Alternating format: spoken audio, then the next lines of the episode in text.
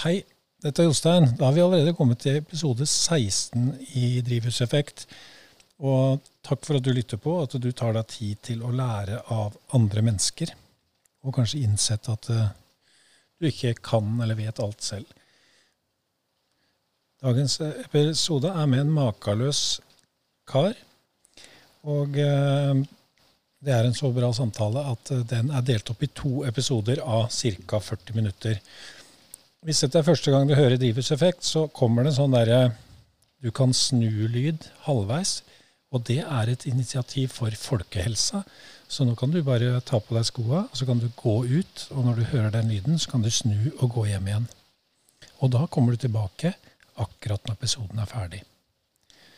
God fornøyelse og god tur. Shut up and sit down.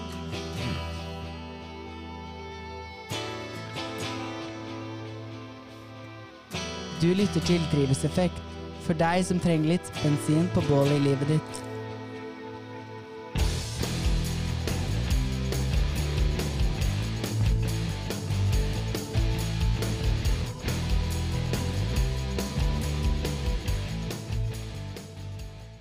«1962 er et år med mange katastrofer. Hør bare her. Vulkanen Hushkaran i Peru har utbrudd. Mer enn 4000 omkommer. En flodbølge på den vesttyske nordsjøkysten gjør at 500 omkommer og 40 000 blir hjemløse. Det er oversvømmelse i Sør-Kina, jordskjelv i Iran der 20 000 omkommer, flom i Spania der 8000 omkommer, og gruveulykken i Kongsfjord på Svalbard hvor 21 omkommer, og som senere skal føre til Kings Bay-saken. På toppen av det hele dør Marilyn Monroe og Karen Blixen. Og Nelson Mandela dømmes til fem års fengsel for ulovlig utenlandsreiser og oppfordring til streik. Alt dette samtidig som Setesdalsbanen legges ned. Kanskje Gud strør noe ekstra englestøv over jorden etter alt dette. For det skjer også fantastiske ting dette året. New York tar i bruk et ubetjent tog, og det kommer et dusin mennesker, nærmere bestemt guttebabyer, til verden for å gjøre en forskjell. Tom Cruise, Magne Furuholmen, Gunde Svan, Petter Stordalen, Lars Lillo Stenberg, Børge Ausland, og på samme dag, 6. februar, kommer Axel Rose og Geir Thomas Hylland Eriksen. Det blir også født en visjon dette året denne merkelige og litt uforståelige visjonen kommer fra psykologen og lederen av Information Processing Techniques Office ved ARPA, Joseph Carl Robnett Lickleader, kjent som bare JCR eller Lick. Visjonen var at vi skulle få et intergalactic network, eller et verdensomspennende nettverk av datamaskiner hvor alle raskt kunne aksessere data og programmer fra et hvilket som helst sted. I dag kaller vi dette Internett. Noe som også opptar dagens gjest. Jeg vet ikke hva som skjedde med Geir i Geir Thomas. Det ble borte. Om det er rent praktiske grunner, mobbing eller hans omgangskrets som er ansvarlig for dette, får vi kanskje vite i dag. Thomas ble født i det som før het Vestfold fylke, og han vokste opp på Nøtterøy. Jeg kan tenke meg han var en inspirerende og kanskje litt irriterende elev ved Tønsberg gymnas. Han var aktiv på skolen og i politikken. Han hadde nok ikke så veldig mye til overs for staten, for han ble anarkist. Og jeg tror kanskje han er det fortsatt. Thomas har en enorm nysgjerrighetsmuskel og forstår raskt at et menneskeliv i grunnen er ganske kort. Derfor gir han full gass. Han snakker, og derav tenker, klart og fort. Jeg har selv gjort studier på dette. Jeg har funnet et klipp fra radioprogrammet på NRK som het Sånn er livet. Det er fra 1993. Her setter jeg meg selv opp mot professoren og hans snakketempo. Temaet er prostitusjon. Hør her. Sånn er livet. Et program for deg som har radio.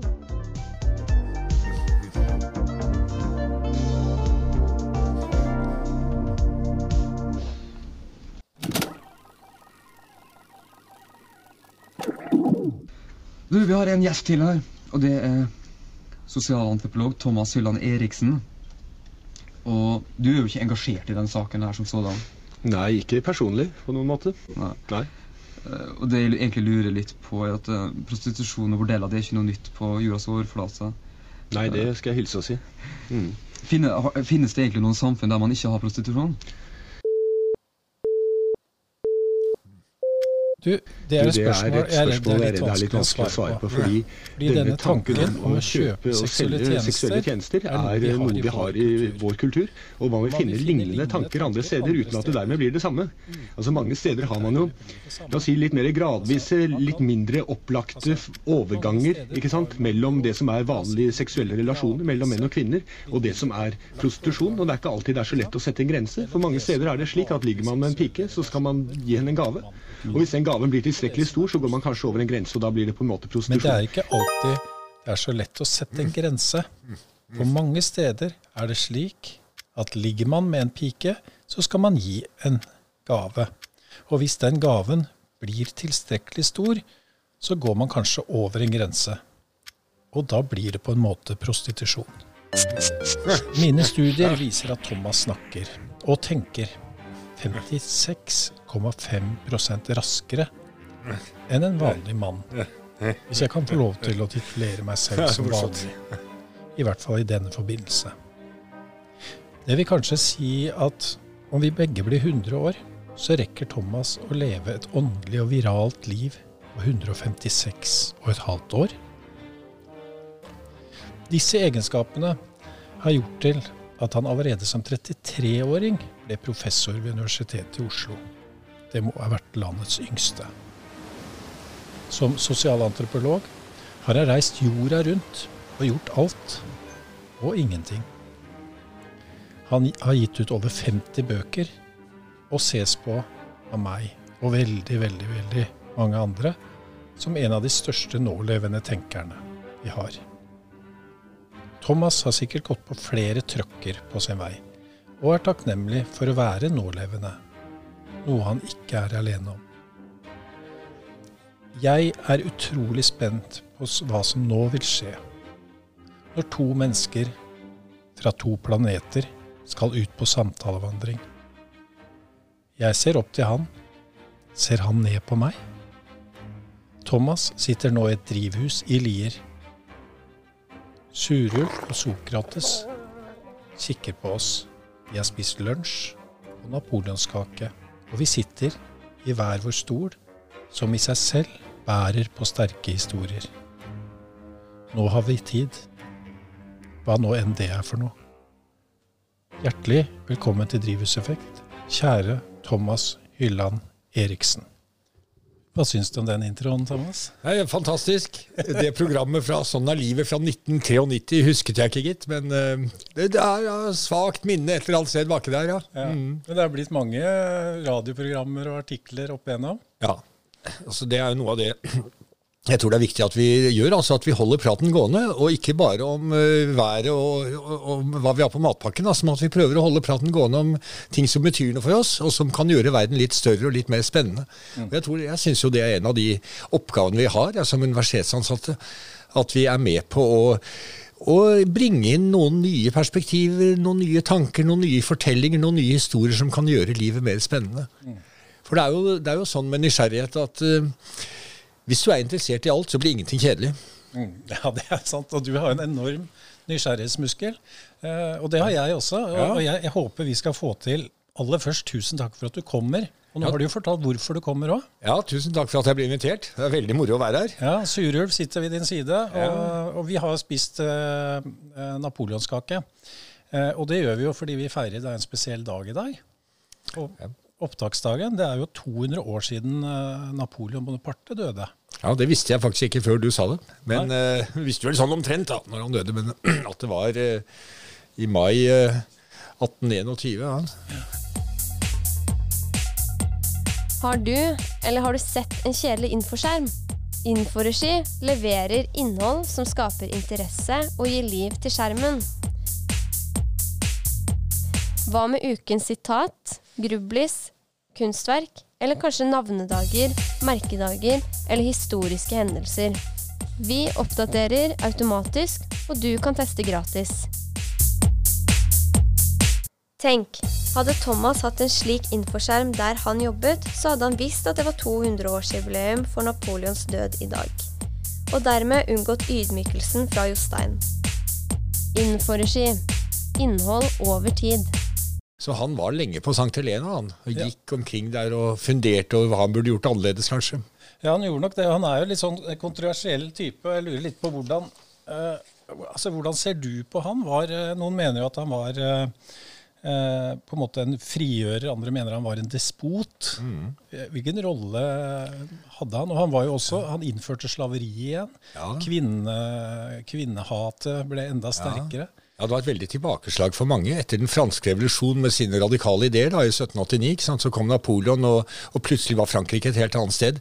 Men du vet altså, hvordan man ser på Napoleon, det kommer litt an på hvor du ser ham fra. I Frankrike er Napoleon fremdeles en stor mann altså i deres historie. En de er stolte av. I Storbritannia, i Russland, så vil det se litt annerledes på Napoleon. Og hvordan vi ser på han her, er jeg litt usikker på. Men det er i hvert fall ingen tvil om at han, han forandret Europa. Altså Han åpnet opp Egypt for utgravninger. ikke sant? Her hadde pyramider liksom ligget og ja, støvet ned, de hadde ligget begravet i sand ikke sant, i flere tusen år. Uh, han uh, forsøkte jo, litt mislykket, da, å erobre Russland, men han reiste jo da gjennom Europa, erobret det ene området etter det andre. Og filosofen Hegel, som var opptatt av verdensånden som brer seg, ikke sant? verdensånden som da er denne kollektive bevisstheten om, uh, om universet og osv. Han satt i Jena i Tyskland og så ut av vinduet, og så så han Napoleons kortese ri gjennom byen. Og da skrev han at 'i dag har jeg sett verdensånden til hest'. og det var Napoleon. Så han var, han var større enn størst. ikke sant? Han var ikke så veldig eh, eh, stor av vekst. Men, og, og, men jeg tror ideen om at han var så lav, det er også en myte. Fordi det var noe med at en fransk fot var liksom litt mindre enn en engelsk fot. altså Det var et eller annet sånt, da. Eller litt lenger. Sånn at han var faktisk ikke så lav som mange, mange trodde at han var 1,50. ikke sant? Og at han hadde et sånt, det man kaller et Napoleon-kompleks. Han måtte vise at han var stor mann fordi han var så liten av vekst. Det er ikke sikkert at det var helt tilfellet. Du lytter til Drivhuseffekt, en podkast det absolutt er verdt å høre på. Hvordan er det med deg, Thomas? Du begynner jo å bli en stor mann, du òg. En av vår nåtids største tenkere. Ja, ja, det var jo voldsomt hyggelig sagt av deg, men altså, jeg, er i hvert fall høyere, jeg tror jeg er høyere enn Napoleon. i hvert fall. Er Sånn. Men jeg var 1,87, og det har jeg vært i alle år. Men så ble jeg målt, da. Så er jeg 1,85, så sa jeg så hva har skjedd? Jo, Nei, man krymper jo litt med årene, sa de.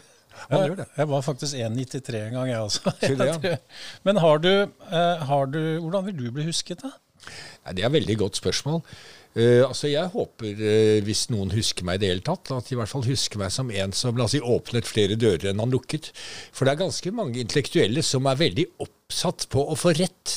Altså Det er på en måte viktigere for dem å, å få rett enn å være en del av en samtale. Og for meg er samtalen mye viktigere, og jeg kan godt ta feil. Eh, og jeg håper at jeg er til å innrømme at jeg har tatt feil, og eh, kommer litt videre og lærer noe av det.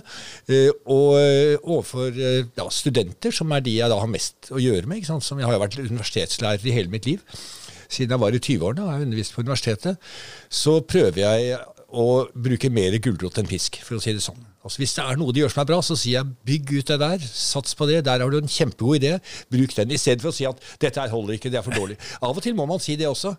Men det å, jeg, tror, jeg tror veldig på det å åpne flere dører enn man lukker. Fordi verden er jo et vidunderlig sted. Det er så mangfoldig, og det er så mange historier å fortelle, så mange ting å lære, så mye å legge merke til, så mange mennesker å bli kjent med. At, eh, og det bør vi utnytte så godt vi kan, det lille øyeblikket vi er her på jorden. Det gjør vi. I dag blir du og jeg kjent. Ja, for eksempel. Det blir, det blir spennende. Kanskje det er starten på et eh, livslangt Ja. vennskap. Thomas. Ja, det- ja. Men- Men kritikk og motstand, det, det er også en viktig del av utviklingen. Da. Ja, det er det.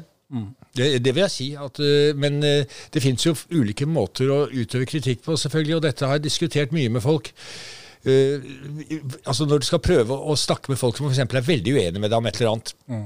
Det kan være rasisme ikke sant, eller et eller annet sånt. Eh, hvordan gjør du det? Skal du si jo jeg skjønner hva du mener, og det er noe i det du sier, men Skal du si det, eller skal du begynne med å si at dette her er den rene ondskap, og du skal brenne i helvete? Eh, Av og til må man kanskje si at eh, dette er den rene ondskap. Eh, Overfor nazismen måtte man sannsynligvis det. Og da fikk du harde fronter og, og, og, veldig tydelige eh, konfliktlinjer. Eh, Men jeg er ikke så god til det, må jeg innrømme. Altså, jeg er litt mer økologisk, jeg tror jeg. Altså, jeg ser på meg selv liksom som en sånn liten eh, eh, en liten organisme i et stort økosystem, altså hvor det er både sjiraffer og elefanter, og jeg er kanskje en ape som klatrer i trærne og, og prøver å få litt overblikk, ikke sant? Eh, Men hvor de andre er like nødvendige. Du lytter til Drivhuseffekt. Det er veldig synd at du ikke har hele døgnet her, Thomas. Vi, vi har jo så veldig mye å snakke om.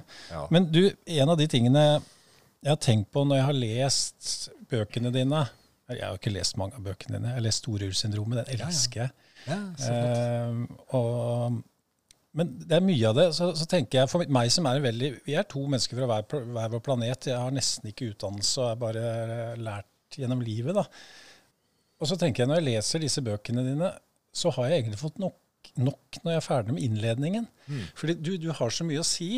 Og så, og så du hjelper oss å tenke, og du hjelper oss å se ting, eh, og undre oss over ting. Men det er veldig sjelden du kommer med svaret og løsningen. Så du sitter egentlig igjen litt sånn Ja. Enda mer undrende. ja.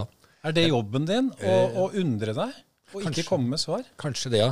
Men det kan godt hende at det du peker på der også er en svakhet. At man av og til burde fleske til og liksom sette opp noen punkter. Jeg har prøvd å gjøre det noen ganger.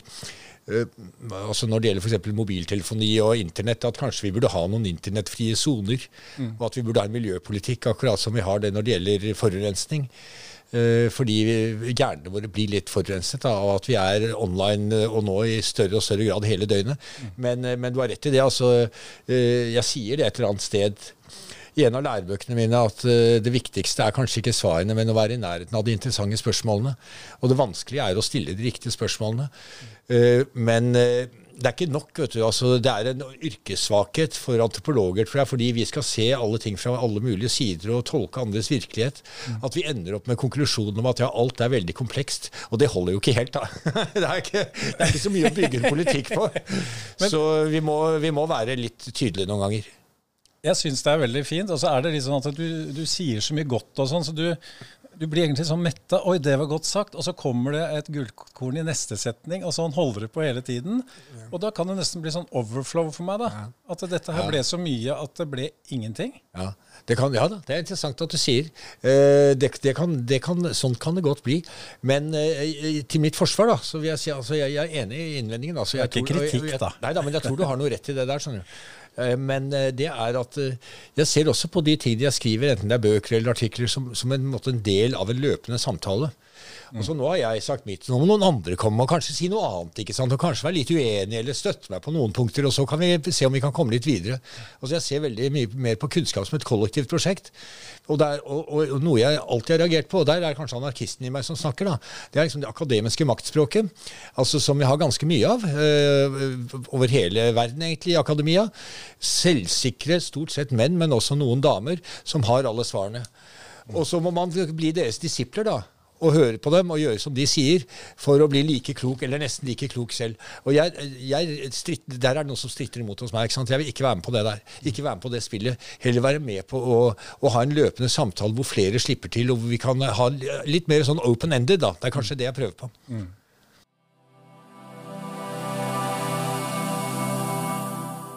Er usikker på hva vi skal snakke om, for jeg må liksom prøve å få gullperlene her. Men jeg vil jo anbefale alle f.eks. å høre podkasten med Thomas på Drivkraft på NRK.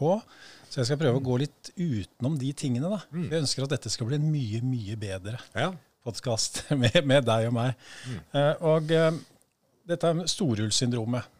Når jeg skal prøve å være litt intellektuell når jeg treffer mine venner, så pleier jeg å dra fram den. At jeg har lest Storhullssyndromet med Thomas Hyland Eriksen. Og uh, vet du hvem han er? Og da er det jo sånn at de intellektuelle, da eh, Alle vet hvem du er. Det er en superstjerne. Men det er en stor del av Norges befolkning som ikke vet hvem du er. Ja. ja da. Og det er jo de vi skal nå ut til. Ja. For det er de som trenger å vite hvem du er.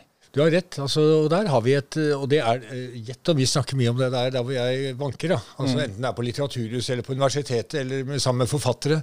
Hvordan skal vi treffe eh, de som trenger å høre det vi sier. Fordi, eh, og det er gjerne sånn at eh, hvis man har en eller annen sak man brenner for, enten det er miljø eller det er flerkulturalitet eller noe sånt, og så legger man ut om det, og de som hører på det du sier, det er de som var enige i utgangspunktet. Så det er de som trenger det minst. Mens de som trenger det mest, de når det ikke. Så ja, hvordan gjør vi, hvilke knapper trykker vi på, hvordan finner, hvordan finner vi en måte å formidle det vi har lyst til å si, så at vi kan få med flere på denne store samtalen? Det er et kjempeproblem. Og ikke minst tror jeg at det er egentlig et voksende problem i Norge nå. Fordi vi ser noen skillelinjer i samfunnet, noen gnisninger, ikke sant. Eh, Og det er mye sure miner, og det er en tendens til en type politisk polarisering. Så og hvordan klarer vi å på en måte komme over den, øh, det hinderet, eller den broen? Hvordan klarer vi å bygge den broen ikke sant, som skal til? Kjempespør kjempespørsmål. Takk skal du ha. Var det ros til meg? Ja, det var det faktisk. Ja. Det, var, det, var et veldig, det var et veldig godt spørsmål. Du skulle ikke lagt på Du skulle bare droppet 'faktisk', for da har du da Ja, ja. Men det er et, det er et kjempeviktig spørsmål. Og, Og så har du skrevet denne boka 'Appenes eh, planet'. Ja. Eh, Den har ikke jeg lest ennå, men der te tenker jeg også du funderer litt på det. fordi der er det jo også med appene nå, så kan du jo også velge du vil, hvilke nyheter du vil ha. Og det blir litt det samme problemet, da. ja.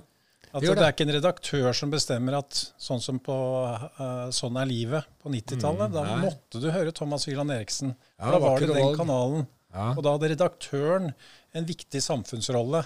Ja. Men nå er vi jo alle redaktører selv. ja. Jeg har starta podkast, jeg forteller om det jeg syns er viktig, og osv. Ja, det er er, det et stort problem? Eh, Det er et vanskelig spørsmål. Eh, Det er også et veldig godt spørsmål for øvrig. Ja, takk.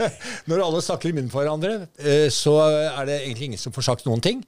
Eller eh, ingenting betyr noe, fordi eh, liksom en, et, et radioprogram eller medieinnslag det koster liksom to kalorier å lage, og det går inn gjennom det ene øret ut gjennom det andre. Men på den annen side så er det jo en veldig demokratisering i det. Altså at veldig mange kan skaffe seg en plattform.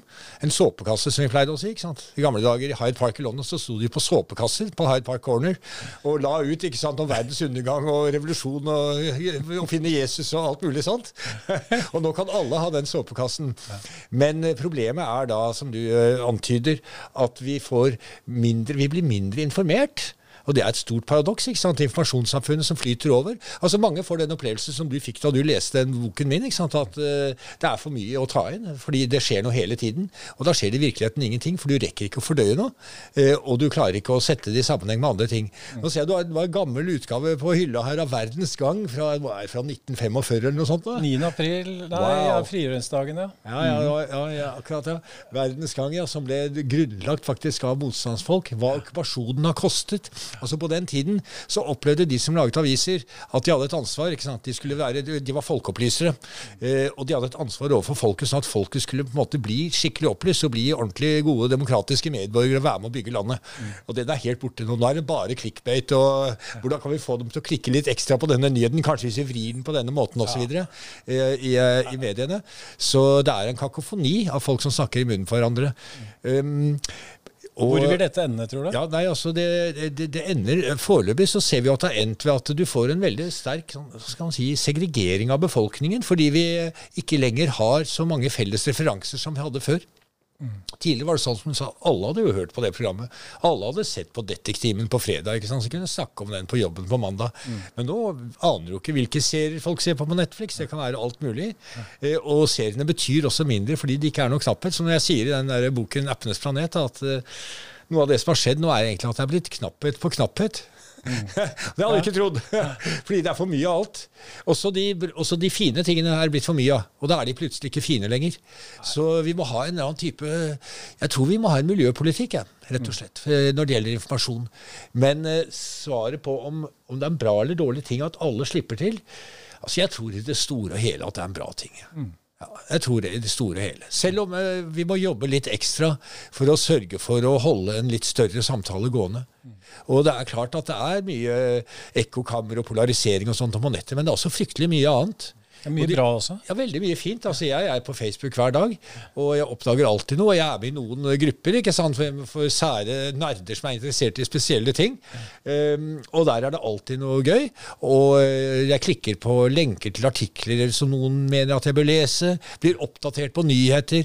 Eh, Så for meg er det et veldig fint altså både fritids- og arbeidsverktøy. Er du interessert i alt mulig? Nei, det vil jeg ikke Nei, si. Nei.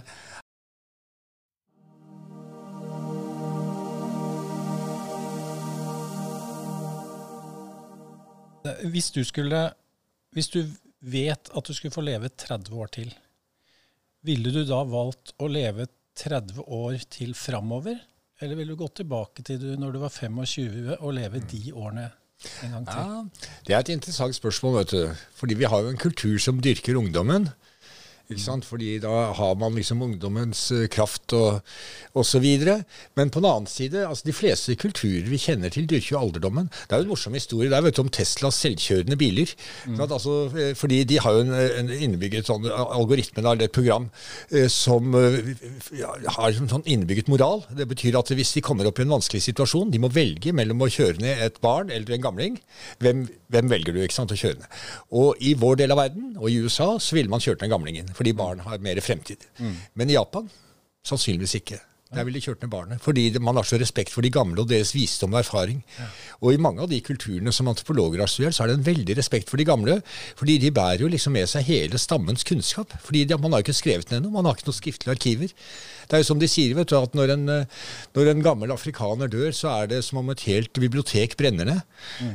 Så eh, for å svare på spørsmålet Ja, ja. Jeg tror jeg ville begynt nå. Ja. Jeg ville begynt nå. Jeg er snart 60 år.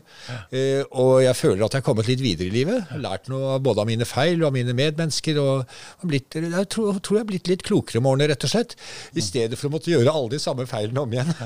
Som en uerfaren 25-åring. Hva er de største feilene du har gjort, da? Nei, det er det, det syns jeg er vanskelig å svare på. Men eh, nei, man behandler ikke andre folk alltid som man burde. eh, Rett og slett. Mm. Du, er, du kan være litt rask, litt kjapp, litt hensynsløs. Um, jeg tror kanskje jeg har blitt litt flinkere til det. Litt, litt snillere? Ja, kanskje Litt blitt litt, litt mer hensynsfull overfor andre. og litt mer, altså det, det er kanskje noe av det også som erfaringen forteller oss når vi har levd noen år, at uh, andre folk som er helt forskjellige fra deg, og som lever liv som du ikke kunne tenke deg å leve selv, de har mange gode egenskaper, de også. Jeg tror, Forhåpentligvis er det noe av det vi lærer av eh, både av å leve og kanskje av sånne ting som å lese romaner, ikke sant? kjenne andre mennesker mm. og, og sette seg inn i deres liv. Skal vi si unnskyld, da? Var det en sånn ja. generell? Ja, men er det ikke, er ikke interessant at eh, i England så er det to ord som folk bruker hele dagen i London. Og det er 'sorry', og så er det 'excuse me'. Og I Norge gjør vi ikke det. Og Det er for meg et tegn på at vi har liksom litt mindre utviklet urbant kultur. da. Fordi eh, man må håndtere møter med fremmede, ikke sant? og da blir det mye 'sorry' og 'excuse me'. Eh, Så det, og det gjør livet litt lettere. Ja, jeg tror godt Vi kan si unnskyld litt oftere, og vi kan si at 'jeg dreit meg ut', 'jeg, tom, jeg dummet meg ut', 'jeg gjorde en feil'. Eh, Jeg tror vi alle kan bli litt flinkere til det. Man vokser på det. Ja.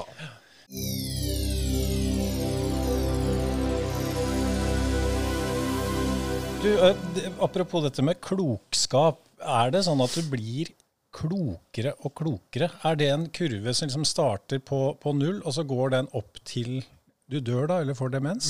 Eller vil du si at du på noe tidspunkt har vært klokere enn du er nå? Ja, riktig. At det, at det stopper opp, ja. At du får en sånn kurve som liksom flater ut, og kanskje til og med begynner å gå nedover som en slags Gaus-kurve. Ja, for du ser masse sånne bitt i, i min alder, 50-ish, og din nå, så begynner ofte menn å bli litt sånn bitre. å Altså, folk endrer seg. Se på Kåre Willoch. Ja, ja han, eh, han forandret seg ganske mye. Han, eh, han, han ble mer avslappet da han ikke lenger hadde politisk ansvar.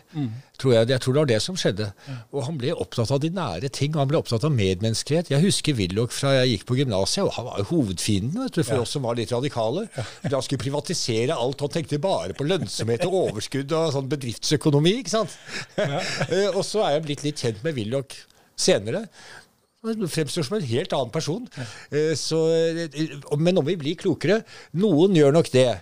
Men eh, altså, det sies jo liksom at den som ikke er radikal i sin ungdom, og som ikke er konservativ i sin alderdom, har ikke skjønt noen ting.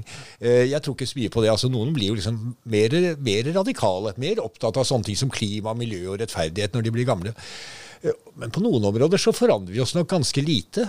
Altså det er noe som bl.a. psykologen Sissel Gran har skrevet om. Hun har skrevet mye om aldring og, eh, og generasjoner og osv. Og, og Sissel snakker om det at eh, vi er, mentalt sett så er vi liksom tenåringer hele livet på ett nivå. da. Um, Men på en annen side nei, Jeg tror det er kumulativt, det er i det store og hele. Altså Jeg tror faktisk at vi blir litt klokere. Det som skjer med de som blir litt bitre Jeg har jo også sett mange av dem, eh, og ikke minst menn i sånn rundt 40-50-60 Ja. år. Alt var, alt var bedre og- før. Ja. Ja. Internett er en SMS var jo noe fordømte tull når det ja, kom. ja, ja da. Ja. Eh, Det er riktig det. Og, og språket forfaller, og ungdommen snakker ikke korrekt. Og de, de sier skjede i stedet for kjede. Og alt dette her. Er du redd for å bli sånn? Ja, jeg er redd for å bli sånn. Jeg må passe meg noen ganger. eh, for ikke å bli en sur gammel gubbe. Men jeg tror det som skjer med de som blir liksom bitre på et dypere nivå, og det er egentlig litt sørgelig, det kan nok være folk som da gikk veldig høyt ut. Og så så de kanskje på et tidspunkt da når de var som 40-50 år, at nei, det gikk ikke, jeg fikk det ikke til, liksom. Eh, det ble ikke som jeg hadde tenkt meg. Og det du må gjøre da, er at du må skifte spor. Du må gjøre noe, sånn som du har gjort. Mm. Du må gjøre noe annet. Mm. For ikke å bare leve i en sånn stagnert, sur gubbetilværelse. Men vi må passe oss. Ja. For vi, jeg tror mange av oss har en rem av den huden. Eh, Og jeg har noen, eh, jeg skal ikke nevne navn, men jeg har liksom noen litt eldre kolleger som jeg tenker, eh, når jeg ser dem, at jeg må passe på å ikke bli sånn som han, altså. Ja, du, Det har jeg òg, og det syns jeg var et veldig godt tips, Thomas. At uh, Prøv å skifte spor. Dette er en melding til en sporty lytter. Du kan nå snu og gå hjem. Mat. Din favorittgrønnsak. Frukt og livrett.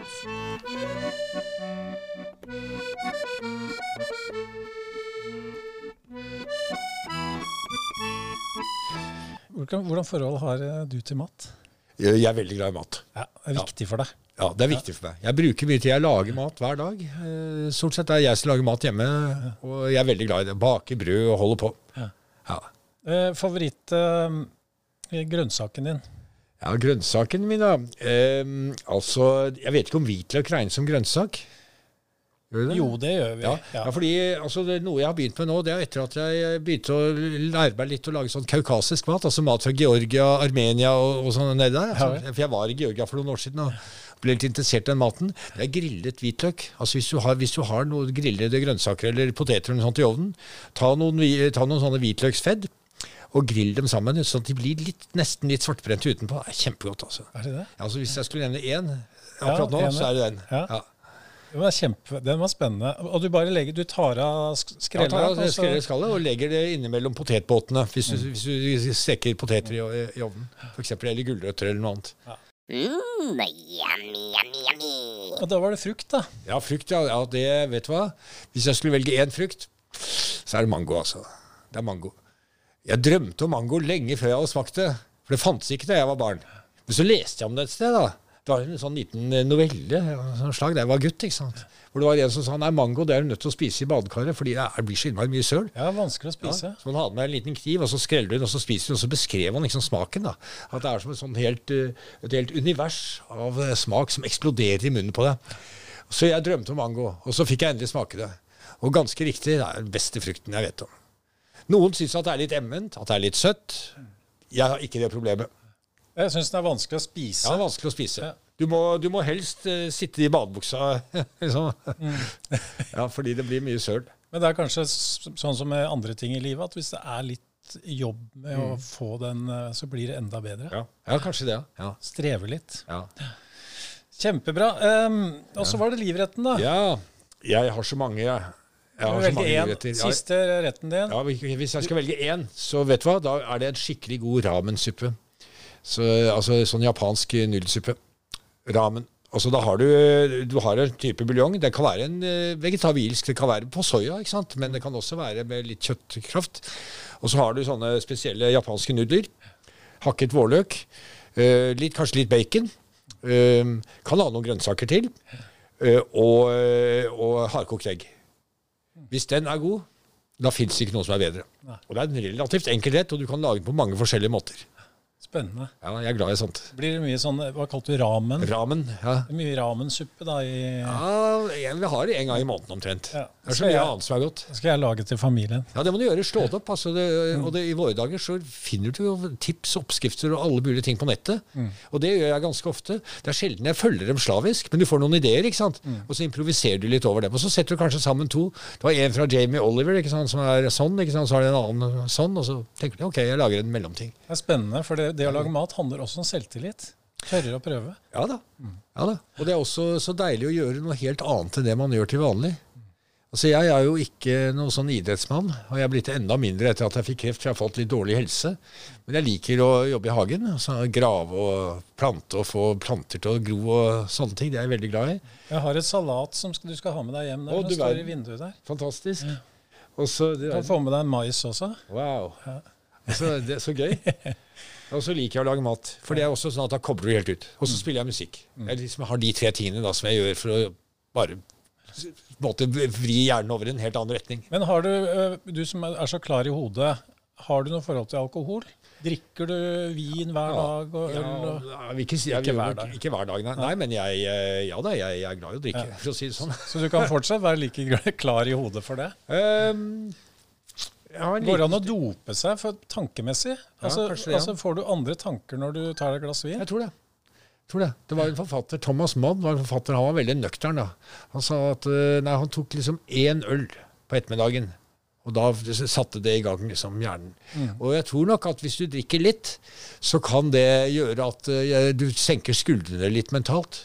Så at du får noen nye assosiasjoner, slapper av litt mentalt. Men uh, etter det tredje glasset ikke sant? Det, er det, så det er en hårfin grense der.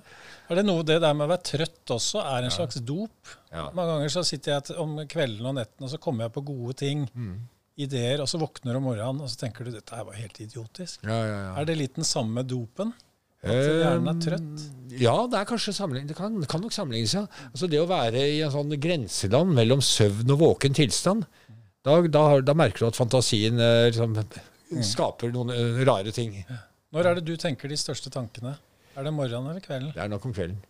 Så jeg tror det. Er du mest glad i solnedganger? Ja, jeg tror faktisk det. At jeg er nok eh, fra naturens side B-menneske, altså. Finnes det nattemennesker? Altså, jeg tror jeg er det selv. Akkurat, ja. ja. Altså, jeg, jeg sliter veldig med å sovne, og er veldig glad i å sove om morgenen. Ja, det tror jeg. Så det, det, det, var en, det var et forsøk på å lage en folkebevegelse for noen år siden for B-menneskene. Fordi de mente at hele samfunnet var jo bygget opp rundt A-mennesker. Ja. Og det er en sånn der eh, moralisme knyttet til det òg. At det er, bra å stå opp tidlig om morgenen og sånt. Men hvorfor er det så- så bra med det, da? Ja. Altså Hvis du står opp 11 og så jobber du liksom til 7-8 om kvelden, er ikke det like greit, da? Eh, Men eh, det er en idé om at det er fint å stå opp tidlig. Jeg tror det er noe vi har med oss fra bondesamfunnet. For da måtte du opp tidlig. Er du flink til å sove? Ja, det vil jeg påstå. Er du flink til å sovne? Ja. Jeg har ingen problemer med det, heldigvis. Og det er, det er jeg også veldig glad for, fordi jeg vet, kjenner jo folk som eh, sliter med det, og, og da blir du aldri helt våken. ikke sant? Man har jo hatt noen sånne netter man har sovet lite av forskjellige grunner, og du er jo ikke helt uh, i vater neste dag. Mm. ikke om du har det problemet? Jeg har, hatt den, jeg har vært så spent på at du skulle komme hit, så jeg har hatt flere søvnløse netter, og mange av spørsmålene har dukket opp midt på natta. Ja. Så jo, jeg sliter med å sovne, ja. Så det er veldig fascinerende. Så du bare sovner med en gang, og sover åtte timer, du, da? Ja, stort sett gjør jeg det. Det er derfor kanskje det er svaret på hvorfor du er så 100 til stede. Jeg vet ikke, men eh, jeg, jeg, jeg skjønner at jeg, jeg, jeg har jo med årene forstått at det er en gave å være i stand til å sove. Og kan sovne omtrent hvor som helst. Altså Sitter jeg på flybussen Ja, nå er det jo ikke så ofte man gjør det lenger, da. Men det er en tid jeg gjorde det ganske ofte. Inntil i fjor. Om morgenen, for å rekke halv syv-flyet til Bergen, så kan jeg godt sove liksom 20 minutter på flybussen. ikke sant? Så det, det setter jeg pris på. Ta vare på den, Thomas. Ja. Drivhuseffekt, podkast for deg som har tid til å lære av andre. Hva, hva er din favorittfilosof, eller hvem? Oi.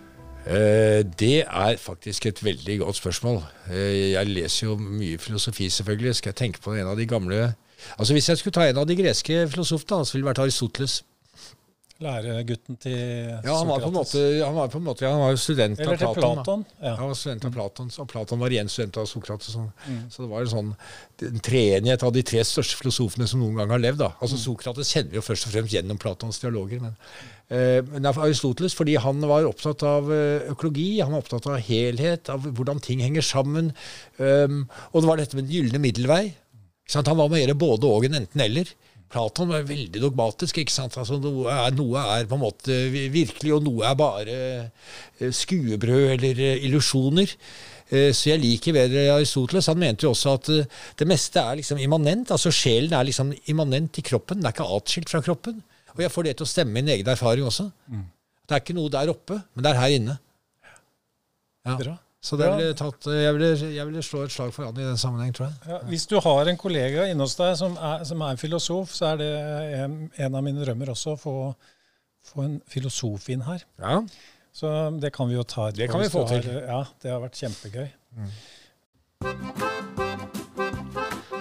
Framsnakk, eller det som vi i Nord-Norge kaller for skryt.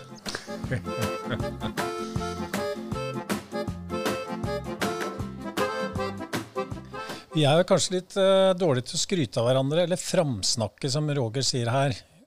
Nå skal du få lov å framsnakke. ja. Eh, en person. Ja, gjerne det. Ja, du, Det er ikke vanskelig, fordi eh, altså, er, man kjenner jo så mange fantastiske mennesker. Og det er så mange av dem som ikke får den oppmerksomheten de fortjener. Og så jeg kunne ha, Det er veldig mange jeg kunne ha nevnt, både innenfor kulturliv ikke sant, og for så vidt også på andre områder. Mange av de jeg kjenner som jeg syns fortjener framsnakking, og de har jo å gjøre med hvem jeg kjenner. altså Det er forfattere. så Jeg kjenner jo ganske mange forfattere. Og det er jo, det er jo sørgelig, syns jeg, at folk som da har jobbet med å lage en flott bok ikke sant, De holdt på kanskje i to-tre år. Og så får den kanskje noen anmeldelser, og så er det slutt. Fordi neste uke kommer en annen bok. Eh, og det er nådeløst. Eh, men, og noen av dem mener jeg ville ha fortjent mye mer oppmerksomhet enn det de får. Så en som jeg liker veldig godt, han holder til ikke så forferdelig langt herfra, nemlig Krokstadelva. Det er Øyvind Hånes, som er både forfatter og musiker. Han har laget noen CD-er som også er utrolig bra. Som er sånne rare, mela- melankolske, melodiøse små ting. Og så skriver han romaner. Intense, små, tynne romaner. Så jeg vil framsnakke Øyvind Hånes. Bra. Og vi skal legge på gjestesiden vår på Drivhuseffekt, så skal vi eh, legge eh, informasjon så dere får mer om det. Og her, kjære lytter, slutter episode én med Thomas Hylland Eriksen. Men ikke fortvil, om en ukes tid er vi tilbake med episode to. Og der skal vi snakke om døden, livet, politikken. Det er bare å holde seg oppdatert. Takk for at du tar deg tid til å lære av andre. Du lytter på Drivhuseffekt, en podkast det absolutt er verdt å høre på.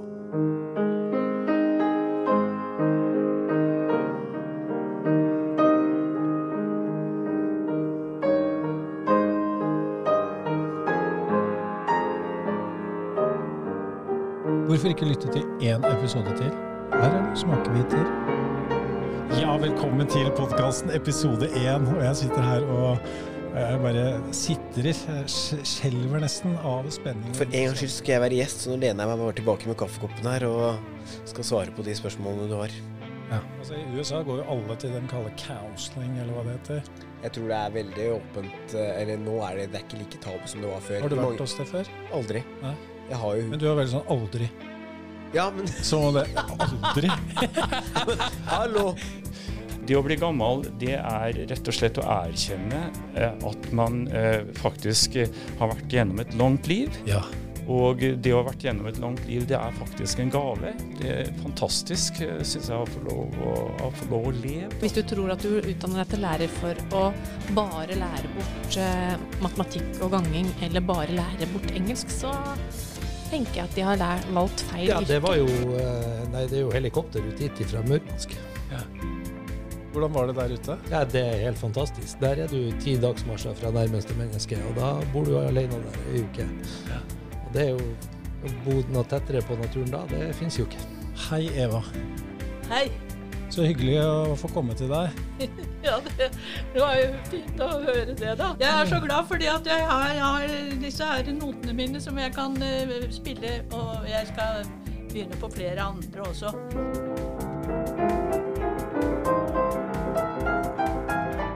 Jeg vet ikke om du var på jobb under 22. juli. jo, jeg var på jobb. Skjebnens ironi skal jo ha det sånn at du da har fått deg en venn, for vi er jo venner, Bjørne, Det er vi. som har kompresjonsfraktur C5. Det er meg. Hva er det for noe? Hva er det jeg har? Ja, Men det er sånn at jeg faktisk er adoptert. Er du det? Ja, sånn at uh, mine biologiske foreldre Jeg tror ikke alle kaller det for skattekart. Nei. Jeg tror en kaller det for eh, rastløshet, og så gjøre mye annet greier og leiter, vet du. Ny mann, nytt hus. Sånne ting. Så er det helt klart at man kan bli for glad ut av øh, øl, og jeg føler kanskje at det, man kan komme i faresonen, og jeg er vel kanskje en som er i faresonen. Fordi Hva mener du med det? Faresonen? Men du lager den litt annerledes enn meg, fordi din er mye søtere. Har på mer sukker, vet du. Ja. Du har på for lite sukker. ja, du liker ikke min egentlig så godt. Bare innrøm det. Men, jeg, jeg skal ikke skryte av seg sjøl, men jeg uh, tykte mitt var bær. Ja, jeg er helt uenig. Jeg syns min var bedre. Men hvis, hvis, jeg, hvis jeg må velge en, Så så Surulv sitter ved siden av deg. Hvis ikke du bestemmer deg, så biter den. Jeg syns det er litt gøy å kjøre deg litt på det, fordi der tror jeg du er At du er litt sta og, og dømmende. Og du har helt rett Nei, jeg er ikke dømmende. Du vet jo ikke hva det er. Jeg er ikke dømmende, men Du må ikke hoppe av. Nei, vi skal ikke hoppe av. Og eh, dette var en kraftig advarsel. Dette moderne mennesket som har for lite bevegelse i kroppen sin. Her sa kroppen fra, og dette signalet må man bare ta alvorlig. Så det var, det var så sterk opplevelse. Jeg hadde tårer i øya, og jeg syns det var helt fantastisk. Og jeg skjønner hvorfor folk drar dit og, og får sånne opplevelser. Sånn her, at jeg ser veldig opp til deg, Thomas. Jeg er veldig spent på om du ser ned på meg. Jeg kan ikke si det akkurat nå, ser jeg bort på deg. Og jeg mener det er det vi mennesker stort sett bør gjøre. da. Vi bør Ja. se bort på hverandre. Eh, nei, men det er jo det. At, eh, at jeg, jeg hadde en eh, far som var, eh, som var frontkjemper. Ja da, det er, en, det er en sånn renselse, på en måte. En katarsis. Ja. Fordi, og vi trenger å komme i kontakt med de sidene ved oss selv også.